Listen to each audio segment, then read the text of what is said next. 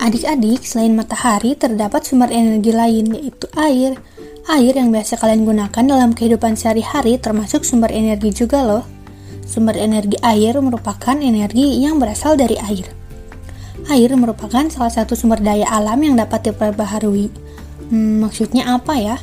Jadi adik-adik, energi air termasuk dalam kategori sumber daya alam yang dapat diperbaharui karena air terus tersedia dan dapat kita kelola untuk kita perbanyak jumlahnya.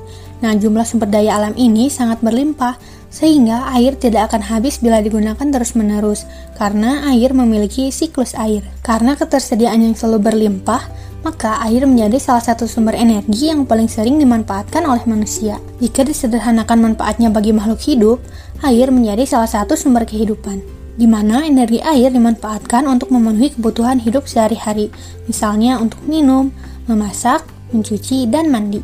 Selain itu, energi air juga dapat dimanfaatkan sebagai sumber energi listrik, yaitu melalui pembangkit listrik tenaga air yang menggunakan kincir air di mana air yang deras dapat menjadi sumber energi gerak. Oleh karena itu, di pembangkit listrik tenaga air atau PLTA dibuat bendungan air di tempat yang tinggi.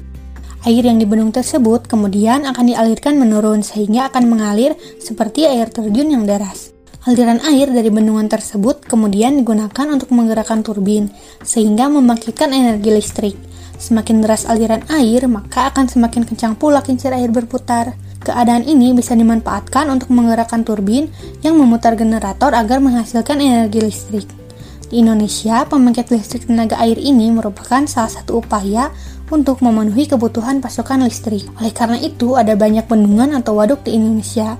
Beberapa contoh PLTA yang ada di Indonesia yaitu Waduk Cirata di Jawa Barat, PLTA Sigura-Gura yang ada di Sumatera Utara, dan PLTA Gajah Mungkur yang ada di Jawa Tengah. Nah, adik-adik, itulah beberapa manfaat dari adanya sumber energi air dalam kehidupan. Meskipun ketersediaan air akan selalu ada, tapi agar sumber energi air tetap terjaga, kita harus selalu memanfaatkannya dengan bijak.